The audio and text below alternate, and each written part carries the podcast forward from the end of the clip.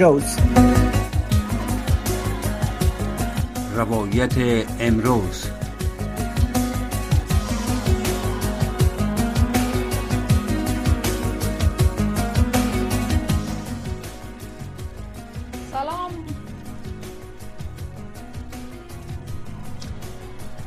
سلام و وقت بخیر خدمت شما عزیزان. امیدوارم در هر کجایی که هستین صحت و سلامت باشین و شنونده و بیننده برنامه روایت امروز از امواج رادیو آشنا صدای امریکا و همچنان وبسایت و شبکه های اجتماعی صدای امریکا از طریق امواج رادیو آشنا باشین. خب باز هم برنامه روایت امروز است و ما فرخنده پیمانی در این برنامه در نیم ساعت آینده میزبان برنامه شما عزیزان هستم و دقیقا امروز روز هشتم مارچ یا روز همبستگی زنان در سراسر جهان تجلیل میشه و ما این روز را بر تمام زنان شجاع و دلیر افغان تبریک و شاد باش میگم. خب شنونده عزیز در این برنامه البته که اختصاص یافته به تجلیل از روز 8 مارچ.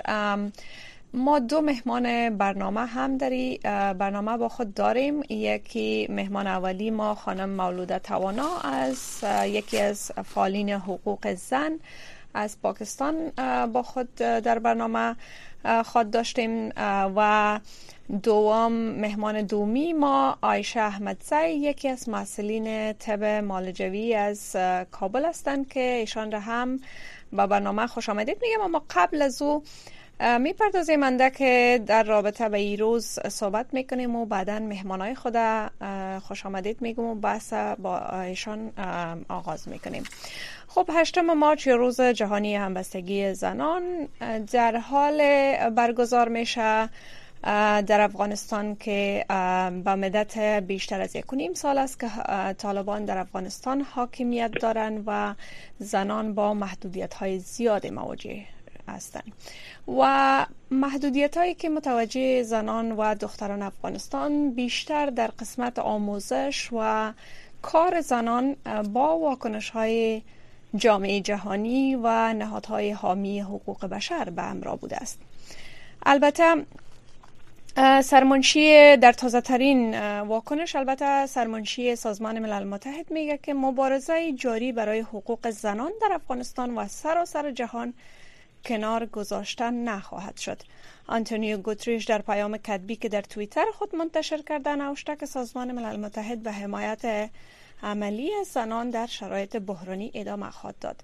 و همچنان سازمان ملل متحد به حمایت عملی زنان در شرایط بحرانی در حال گفته ادامه میده که برابری جنسیتی در همه کارهای بشردوستانه و توسعی گفته که نقش ملل متحد اساسی پنداشته میشه و در اعلامیه که نشر شده از سوی دفتر معاونت سازمان ملل متحد در افغانستان یا یونما به نقل از بانو اوتن و آمده که حکومت طالبان خواسته تا محدودیت های شدید را اعمال بکنه بر حقوق اولیه زنان و دختران و اونا را از صحنه اجتماعی حذف بکنه. و همچنان بر اساس اعلامیه یونما در حالی که 11.6 میلیون زن و دختر در افغانستان در سال جاری با کمک های بشردوستانه فوری نیاز دارند طالبان کار زنان را در سازمان های غیر دولتی ممنوع کرده و از این محدودیت سبب شده که کمک های جامعه جهانی هم کاهش بیابه و در همین حال می‌بینیم که محمد اشرف غنی رئیس جمهور پیشین افغانستان هم در اظهارات تازه خود گروه طالبان را به سلب حق زندگی زنان افغان متهم کرده و گفته که مردم افغانستان به سوی مرگ تدریجی روان هستند. خب بحث را بیشتر البته صحبت می‌کنیم و بحث را ادامه میتیم با مهمانای گرامی ما. مهمان را به برنامه روایت امروز خوش آمدید میگیم و اولین سوال خود را از خانم مولوده توانا می‌پرسیم که در همین روز 8 مارچ که در حقیقت دومین 8 مارچ است که تحت حاکمیت طالبان برگزار می شود زنان با محدودیت های زیاد مواجه هستند. چی حس دارین که فعلا در افغانستان نیستین و بیشتر دستاوردهای 20 سال گذشته در حقیقت از دست زنان تقریبا رفته و حضورشان در صحنه اجتماعی کمرنگ شده. درود و سلام به شما و بیننده شنونده های شما. در نخست مناسبت 8 مارچ و یا روز همبستگی زنان در سر تا سر دنیا تبریک گفته و بر زنهای افغانستان تسلیت میگم روزه به دلیلی که در مقدمه صحبت شما هم به این مورد پرداختیم. متاسفانه زنها در افغانستان روز در حال در خانه ها در مکان های سربسته تجلیل می کنند که در شدیدترین نوع نقض حقوق بشری به سر می‌برند. متاسفانه. و حالت و وضعیت قسم شده که زنان در حبس خانگی یا در حبس خانگی به سر ببرند و روز به روز متاسفانه در شرایط فعلی در افغانستان بر زنان محرومیت ها وضع میشه. از تمامی حقوق اولیه و انسانیشان محدود شده و آپارتاید جنسیتی متاسفانه در افغانستان در حال شکل گرفتن بسیار شدید است. و گسترده ترین نقض حقوق بشر به خصوص علیه زنان در افغانستان تجربه میشه. بنا انجا داره که ما این روز به جای تبریک گفتن بر زنای افغانستان تسلیت بگیم و بدبختانه زنان در افغانستان در حقیقت با یک قدگرد شدید مواجه هستند و حقوق حساسی و حمایت های قانونی.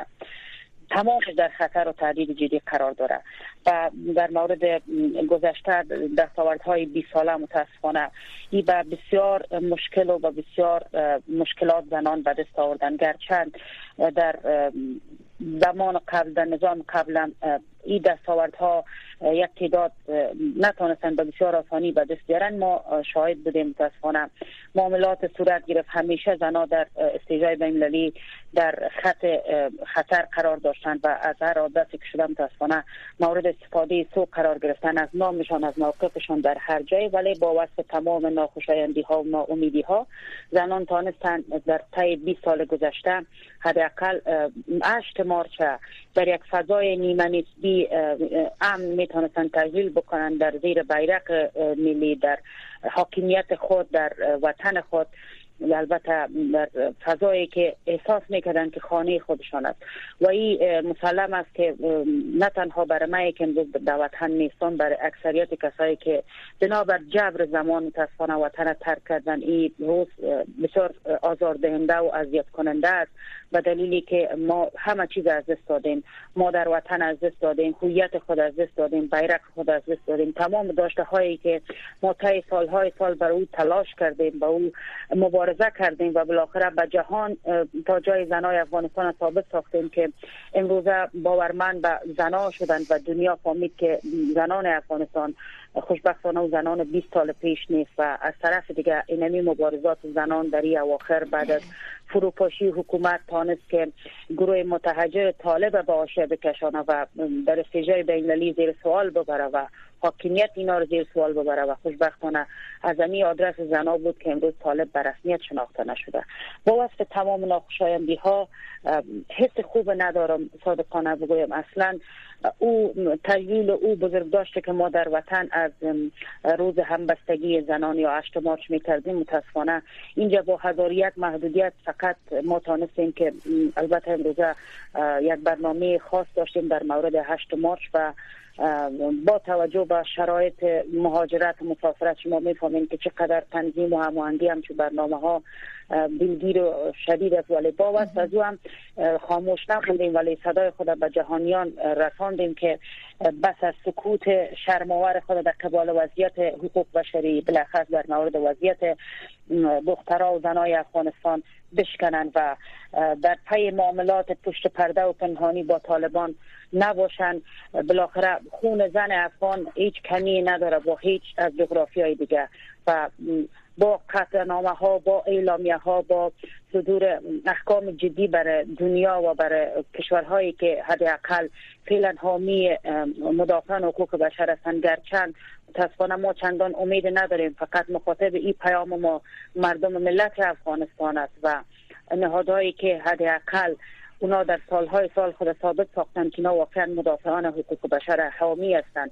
دیگه از او بیشتر ما توقع نه از طالب داریم و نه از حامیان طالب داریم. ما از زنان بیدار افغانستان که به جاده ها ریختن و هشت مارچ به یک نحو باز هم در کابل ما دیروز شاهد بودیم که یک تعداد با وصف تمام مشکلات با وصفی که میفهمیدن پاسخی شجاعتشان پاسخی دلیری که اینا به جاده برآمدن با میل تفنگ داده میشه. ولی باز هم جرأت و جسارت کردن قهرمانی کردن به جاده ها بلند شدن و صدای خفته یک ملت با صدای عدالت خود بلند کردن. بله. خب از مهمان دومی ما که خانم آیشه احمدزی هستن از اینا می‌پرسیم در این روز که روز همبستگی زنان است و بیشتر سالهای قبل به طور با شکوه در افغانستان و در کل در مرکز در کابل بیشتر تجلیل به عمل می آمد و از دستاوردهای زنان یادآوری و گرامی داشت می شد اما این دومین مارچ است که زنان در حقیقت شکایت دارند با محدودیت های روزافزون مواجه هستند مخصوصا در بخش آموزش و کار که همه حقوق اساسی که در دیگر جوامع می‌تونن از او برخوردار باشند زنان ولی در افغانستان روز به روز محدودیت ها بیشتر شده و اکثر خانمایی که کار می‌کردن تحصیل می‌کردن خانه نشین شدن و در زندگیشان در چهار دیواری خانه محدود ساخته شدن شمایی که معسل بودین و درس میخواندین بگوین از حستان که دری امروز چی حس داشتین؟ و ای که شروع آمد آمد سال تحصیلی هم است. آیا امید دارین که ممکن پالیسی های طالبان در خصوص آموزش دختران چی آموزش های پس بالاتر صنف ششم و چی تحصیلات عالی برای دختران باز خواد شد یا امید ندارین؟ بسم الله الرحمن الرحیم. سلام و احترامات وړاندې کوم تاسو ته او ټولو محترم اوریدونکو ته. د ټولو څخه مخکې خو د خزو نړیواله ورځ ټولو خزو ته مبارک مبارک وایم مبارک وایم. او بل تشکر به شما هم مبارک. تسلیت وایم چې ټول خپل حقوقو څخه محروم شوی دي. زه فکر نه کوم چې دغه محدودیتونه چې طالبانو اوس په انجونو باندې او خزو باندې وضع کړی دي د دا لري کې او دوی برته کولای شي چې جنکې انجونې خپل تحصیل ته بیرته ادامه ورکړي. لکه څنګه چې تاسو په هغه تقریبا دوه کالو راهیسته د انجونو مکتبونو د انجونو په مخ دی د مکتبونو دروازې وتړلې. او سکل د انجینو پر مخ د پانتونو دروازې وتړل شولې. نو د دې د دې تر امر ثاني پورې زندوي نو د دې امر ثاني امر ثاني نو د معلومیږي چې د کومه اراده نه لري د دې دوباره انجینر بیرته څنګه ته پانتونو ته پیری نو موجوده حکومت څخه د موږ د هیله د ترسو پورې موږ مکتبیر ته د زمينه مساعده کی او زر تر زر د نیټه د پانتون خلاصولو نیټه موږ اعلان کی د موږ وخت نه ځای کوي موږ غواړو چې خپل هدفونه ته ورسېږو موږ زیات زحمتونه باسي دي موږ په ډیرو سخت شرایطو کې په هنتون ته تللیو په ډیرو سخت شرایطو کې موږ په هنتون ته لاړو په ډیر سخت ورځې شپې مو تیرې کړې خپل ځان مو تر دې ځای رسولې ده. نو زمونږ د امیدونه زمونږ د خوبونه د خاور سره نه خاور کوي. او زر تر زر ته موږ ته هم د پانتونو د خلاصولو نیټه وټاکي. او نن د د هوت په 15 سمه پانتونونه شروع سو. نو موږ هم خوشبینه اوسه شاید موږ هم شروع سي نو موږ ډیر امیدونه لرل لکه د تیر کولو په شان. موږ هم په دې ځینې پرختیانو کې درسونه ویلې امادګي نیوله. چې ګوندې موږ بیرته پانتونو ته وګرځو. والي متاسفانه د ذکر طبقه پانتون شروع سو زموږ ورونه پانتونونو ته لاړل. والي زموږ خواندې تر اوسه پورې پاتې دي. نن درې مورز د نوي سیمستر ده. د هر ورځ چې تیریږي په موږ باندې مارک تیریږي نو کچېره مونږ تبانتونونه خلاص کی او زمونږه زحمتونه چې باسري دي هغه زحمتونه چې مونږ باسري دي دغه د مونږ د خاور سره نه خاور کوي. مونږ غواړو چې خوبونه چې مونږ لاره هغه هلي چې مونږ لرلې هغه مونږ ترلاسه کوم چې سره جنکې چې وسومره چې زه کوم په ډیپریشن اخته ما په شمول نن سبا جونې دلته چې موږ دلته ځوان کوو دی او مرغه په څیر دی او باندې مرغه په څیر موږ ځوان کوو. ورځ تر بلې ورځ تر بلې پنځونو باندې محدودیتونه په خځو باندې محدودیتونه وځکیږي پارت نه منستوي دي کورسونه منستوي دي. پانتونونه منسول مکتبونه منسول هر څه فقط په کور کې دی باندې مرغه په څیر موږ ځوان کوو. نو له موجوده حکومت څخه مداخله ده چې زر تر زر د موږ پانتونونو او د موږ خوندو لپاره د مکتبونو دروازې د خلاصون نیټه هم اعلان کړي. ترڅو موږ هم خپل پانتونونو او مکتبونو ته وګوریم بله. خب خانم محمد موضوع را یادآوری کردین از بسته بودن و یا مسدود بودن در کل مکاتب و پوهنتون ها یادآوری کردین. یگانه دلیل که طالبان به امرسانی را ماکل کردن یگانه دلیلشانی بوده که زمینه را مساعد بسازند تا شرایط و ماحول این مراکز تحصیلی مطابق شریعت اسلام گفتن که باید برابر شود به نظرتان چی چی موضوع و چی محدودیت البته می‌تونن اینا وضع کنن که گویا به گفته طالبان مطابق شریعت اسلام برابر شود. چی قبلا در حقیقت دختران چگونه به پانتون ها و به این مراکز می رفتن که طالبان فکر می‌کنن که ممکن مطابق شریعت اسلام نبوده باشه و مخالف شریعت اسلام بوده و آنها می‌خواین که این موضوع را اصلاح بسازن؟ شکر الحمدلله. زمونږ خويندې مخکې هم په حجاب کې او اوس هم په حجاب کې نو طالبانو فقط غوښتل چې کو ایجوکیشن لمنځه یوسي. نو غوښتل چې جنکې او لکان یو ځای درس وای نو دا هم دا هغه څه دی تاکلی وته جنکې او لکان باید یو ځای درس وای کو ایجوکیشن سره د مشکل لره. هغه هغه مشکل هم حل شو. نو زیاتره چې پانتونونه دي چې هغه ته هیڅ حالت تل داش نه وای فقط ټول د جنکانو لپاره ده یعنی وناسو لپاره ده دی وناسو بخش ده. نو دی هغه هم بند کړی دي. او په خوا به هم جنکې په حجاب کې تلې خاين فرمو خې حجاب کې تلې شکر مونږه الحمدلله مسلمانانو او مسلمانان به یو. راتلونکي کې هم موږ شکر مسلمانانو. د سینې د سیمنګ مخ کې به حجابي کوله. او وس د طالبان وایي چې وسیاري د مخکې د اجازه کول وخت باید موږ حجاب کوو. موږ مخکې مسلمانانو له وسه مسلمانان یو شکر الحمدلله.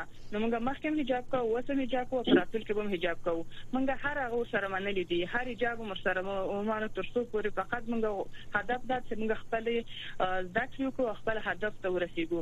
نو زه فکر نه کوم چې د دغه بهانه ده. د دینو غواړي چې د جنکې پانتونو تلاړي او د امرستاني کچېر دی امرستاني کې یو کومه بل پریکړه کوله خو تر اوسه پورې پانتونونه مکتبونه خلاص کړي و ځکه چې تقریبا دوه کال کېږي انجونو په مخ باندې د مکتبونو دروازې تړل شوې دي او تر امرستاني پورې تر اوسه نو د مونږ ته هم د سوای تر امرستاني پورې تاسو صبر وکړئ. بله خب برمیگردیم به خانم توانا از حاکمیت طالبان تقریبا بیشتر از 18 ماه تقریبا 19 ماه میشه و در این مدت پس از حاکمیتشان فقط هفته ها بعد مکاتب را بند کردن یا مسدود کردن برای دختران و پس از او هم چند ماه میشه که دروازه تحصیلات عالی را هم برای دختران بسته کردن و هر دو موضوع را مکل ساختن به امر ثانی. و تا به حال هم گفتن اقدامات را که برای برابر ساختن زمینه برای دختران مساعد می سازن کدام پیشرفت صورت نگرفته با وجود که کشورهای جهان نهادهای حامی حقوق بشر بیشتر با صادر کردن اعلامیه ها و تاکید بر این موضوع از طالبان می‌خواین که عملکرد خود را تغییر بدن. ولی در برعکس عملکرد طالبان بیشتر سختگیرانه و افرادگرایانه نمایان میشه در مقابل زنان افغان. آیا فکر می‌کنین بار دیگر تاریخ تکرار میشه در افغانستان و قسمی که در دوره اول حاکمیتشان امر ثانیشان تقریبا با سقوط نظامشان که بیشتر از پنج سال در حدود پنج سال دوام کرد آیا باز هم افغانستان دوباره برمیگرده به تجربه کردن تاریخ؟ بسیار تشکر که این مسئله را یاد کردیم و قبل از این فکر می‌کرد که سوال دیگه اگر بکنیم که ما می‌خواستم در ارتباط به سوال که از بان محمد زایی داشتیم یک تفسیری داشته باشم خوشحال هستم که سوال دقیقا چیزی بود که ما می‌خواستم. ببینین بیشتر از یک سال و تقریبا هشت یا نه ماه میشه از حاکمیت گروه صفا که به نام طالب در افغانستان. اینا از آغازین روزهایشان که به افغانستان آمدن اولین کاری که کردن وضع محدودیت بالای خانما بود. 19 میلیون نفوس کشور زنان و دختران تشکیل میده و اولین کاری که کردن دخترها را از مکتب باز ماندن. به بهانه‌های مختلفی که گویا ما مسلمان نبودیم و یا پوشش ما اسلامی نبوده و یا نصاب معارف ما کلا غیر اسلامی بوده اینا جز بهانه بیش نیست. و متاسفانه اینا چی رقم یک حکومت باشه چی رقم یک سیستم نظام باشه که در ظرف یک سال و چند ماه اینا نتانن و قول خودشان که اگر گویا آن بمانیم سوال که طرف کنارش ما اگر نصاب ما مشکل داشت شما چطور در طی اینقدر ماه ها و یک سال و چند ماه چطور نتانستین که نصاب درست را که خودتان ایدئال به نظرتان است او را چطور شما نتانستین یک مثلا به هر دلیلی که به خاطر ممنوعیت زنان اینا میگن تمامش کلا با عقل و منطق انسان در تناقض است در تکر است. اینا هیچ دلیل ندارن جز که بهانه بکنن. با این بهانه تراشی ها می‌خواین زنا را در گرو بگیرن و متاسفانه از آدرس های مختلف بین درآمد داشته باشند و این مسئله حضور طالب فعلا در افغانستان جز یک تجارت و بزنس یک پروژه بسیار کلان موارد بسیار جدی فراتر از این که ما بگوییم تنها مسئله زنای افغانستان است. نخیر فراتر از او مسائل منطقه‌ای است مسائل جهانی است منافع کشورها است. به خاطر حفظ وضع موجود که ما فعلا در حالت یک کشور در حال بدترین نوع حالت وضعیت به سر می‌بریم. و در کل این مسائل جزی از بهانه هایی هست که نه دنیا می‌خواد واقعا وارد اقدام عملی شود و نه کسی هست که فعلا این موضوع یا این مسئله را حمایت بکنه. به دلیلی که فعلا اینمی حالت و اینمی وضعیت به نفع تمام کشورهایی که در صلح جنگ افغانستان اونا دست دارن این مسئله مطرح میشه. بنابراین تا دنیا تا نهادهای جامعه نهادهای سازمان ملل و کشورهای حداقل حامی افغانستان به خصوص کشورهای اسلامی یک نشست اضطراری را در مورد وضعیت مردم افغانستان برگزار نکنند. به خصوص کشورهای اسلامی مثل عربستان سعودی مثل مالزیا کشورهایی که همیشه در طرز اسلام اینا سخن و صحبت داشتن از آدرس دین و شریعت بیاین طالب کارایش توجیهی که طالب داره برشان سیاه و سفید جدا بکنه. ولی ما امروزه می‌بینیم که اصلا یک مسئله پیش نمیه واضح است که این پروژه است متاسفانه و قربانی از این پروژه و سیاست ها در تمام ابعاد در تمام نظام و اول زنای افغانستان بودن. دوم کودک های معصوم مظلوم بیچاره بودن. و من قسمی که شما اشاره کردین دوباره باز تاریخ تکرار می‌بینم و بدبختانه که ما از تاریخ درس نگرفتیم. بنابراین تاریخ بالای ما دوباره تکرار شده و هنوز هم اگر توجه بکنین ما با وصف همین مشکلات هنوز هم مشکلات در درون خود داریم. در بین خود هنوز ما جور نامدیم. خب این مسائل کنار بمونه. شگاف های اجتماعی و قومی بحث بسیار جدا ولی ما مشکلات فراتر از این مسائل داریم. دنیا فعلا طالب حمایت می‌کنه. ببینین در حالت و شرایطی که مردم افغانستان نان لقمه نان به خوردن ندارن. سرمای سخت و شدید مردم در افغانستان سفری کرد. فامیلا را ما در تماس هستیم. مردم را همدایشان در تماس هستیم که از فقر و بدبختی طفلای خود فروختن. نان لقمه نداشتن که شب خود سپری بکنن. یک خانه و یک جای گرم نداشتن. ولی در کنار از اون می‌بینیم که کشورهای جهان اینا را حمایت می‌کنه و میلیاردها و میلیون ها دلار بر اینا هفتوار کمک می‌کنه. پس این پروسه کمکی از اینا غیر شفاف است. به کجا وارد میشه؟ پستان کی می‌کنه از این مسئله؟ این یک پروژه است متاسفانه که فراتر از مسائل زنا و مسائل حقوق بشری. این جز از مشکلاتی است که بیشتر و بیشتر زنان افغانستان آسیب پذیر ساخته و بدبختانه این وضعیت قسم شده که تمام منجلاب مشکلات بریزه بالای وضعیت زنای افغانستان. ما همیال کسایی را داریم که دخترای جوان هستند ولی از فرط بیچارگی و بدبختی در چهار دیواری خانه اونا در خسار خانگی به سر می‌برند. صدای خود بلند کردن نمی‌تونن. دیگه از این بدتر من فکر نکنم که وضعیت بالای زنای افغانستان در تاریخ تکرار شوه حتی. و گروه متحجر طالب متاسفانه از گذشته بدتر و خشنتر شدن. ولی این این مسئله نیست که از چشم جهان و جامعه جهانی و سازمان ملل پنهان بمانه. نه خیر اصلا نیست. اونا تمام این بله. مسائل خبر دارن و خودشان تراحی مسائل هستند ولی که اقدام نمی‌کنن ما پیشتر اشاره کردم که این تصفانه سیاست های شومشان است که با یک ملت و با یک مردم بزرگ اینا در بازی هستند. بله. خب امروز جلسه شورای امنیت سازمان ملل متحد در نیویورک برگزار شد که فعلا هم جریان داره و ممکن به ساعت بعد ختم شود. در این جلسه گفته میشه که روزا و تنبایوا نماینده ویژه منشی عمومی سازمان ملل متحد بر افغانستان هم در یک بخش از این جلسه به شورای امنیت معلومات میته در مورد وضعیت حقوق بشری در افغانستان و در این جلسه روی در کل وضعیت حقوق بشر با ویژه وضعیت زنا و دخترای افغان تحت حاکمیت طالبان به بررسی گرفته میشه. البته شورای امنیت ملل متحد شورای است که بیشتر تصامیمی که می‌گیرن الزامی بالای کشورها باید به اجرا در بیاید فکر می‌کنین که تصامیم متفاوتتر نسبت به صادر کردن اعلامیه ها که در قبل خود سازمان ملل متحد و منشی عمومی در رابطه در وضعیت افغانستان و زنان بیشتر نگرانی خود را ابراز می‌کردن و از طالبان می‌خواستند که باید عملکرد خود را تغییر بدن. فکر می‌کنین این شورا چیز متفاوت تر از او صادر بکنه و یا تصمیمی که طالبان را وادار به تغییر پالیسیشان در قبال زنان بسازه ممکن این شورا تصمیم بگیره؟ فقط روزای قبل دیدیم که اینا تصمیم گرفتن که در حقیقت دو تن از مقامات طالبان را که بیشتر در محدود ساختن حقوق اساسی زنان نقش داشتن که یکی ندام محمد ندیم وزیر تحصیلات عالی طالبان که حق آموزش را از دختران سلب کرده و دیگر هم بخش امر به معروف و نهی از منکر.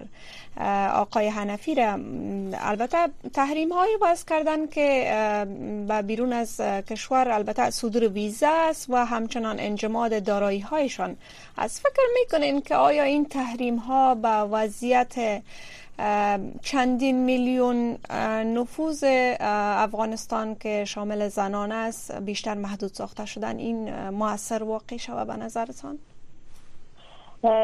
ببینید این مسئله متاسفانه یک مسئله تکراری شده و امی پخش اعلامیه ها و تصاویر و تقویه کردن به نظر یک دیالوگ بیش نیست به دلیلی که ما تجربه داریم تا یک سال و نه ماه فقط نهادهای حقوق بشری سازمان ملل فقط شانه خالی کردن و با صدور اعلامیه ها می‌خواین خواب به چشم مردم افغانستان بزنن. و اصلا از اون جایی که ما شما می‌فهمیم سازمان ملل و کشورهای جهان خودشان ملزم به دفاع حقوق بشر به ویژه زنان و دختران در همه ابعاد و سر دنیا هستند نباید در قبال این جنایات آشکار زنان مردم افغانستان خاموش بشینن و فقط نظارگر باشند و اعلامیه صادر بکنند و جای صدور هم تو اعلامیه های خالی و میانتوهی اقدام عملی و همه جانبه بکنند تا وضعیت زنا بهتر شود و حقوق اساسی و انسانی که فعلا متاسفانه از دست مردم رفته به خصوص از زنای افغانستان دوباره بهشان بر بگرده فقط اقدام عملی وجودی. در غیر از او بله. با اعلامیه هیچ درد مداوا نمیشه. یک جان تشکر خانم مولوده توانا و همچنان از مهمان دوم ما آیشه احمدزی که به این برنامه اشتراک کردین و نظریاتتان با ما و شنوندای عزیز و پیامتان برای خانمای افغانستان رساندین. یک جان ممنون از حضورتان. خب شنوندای عزیز برنامه بعدی را هم تعقیب بکنین.